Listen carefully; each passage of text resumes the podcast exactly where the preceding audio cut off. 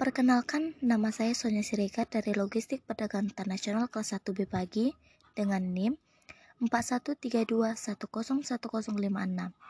Di sini izinkan saya menjadikan sebuah podcast isu kontemporer tentang ketahanan negara, yaitu kerawanan keamanan siber jadi ancaman pertahanan negara, TNI AD lakukan kolaborasi. Komandan Pusat Sandi dan Cyber TNI AD dan Pusainsight Brigjen TNI Ironsoni Edi mengatakan adanya kerawanan pada keamanan siber menjadi ancaman bagi pertahanan negara. Untuk itu, TNI AD berupaya menegakkan kedaulatan siber di wilayah Indonesia.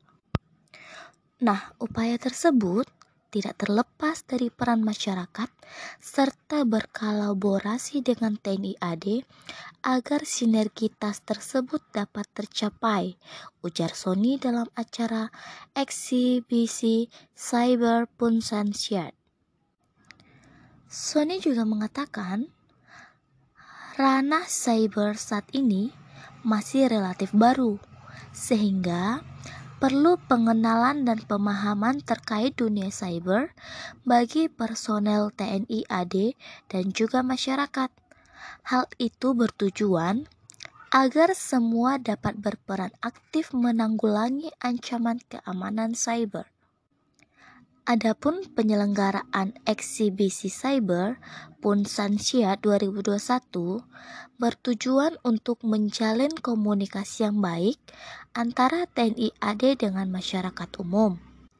Komunikasi inilah khususnya masyarakat dari kaum atau generasi milenial serta membangun pemahaman dan persepsi yang positif tentang cyber Apalagi, kondisi saat ini juga tengah dihadapkan dengan perkembangan teknologi militer terkini berbasis teknologi informasi, teknologi nano, dan teknologi automatisasi dalam rangka menyiapkan komponen pendukung untuk kepentingan pertahanan negara yang solid di era digital.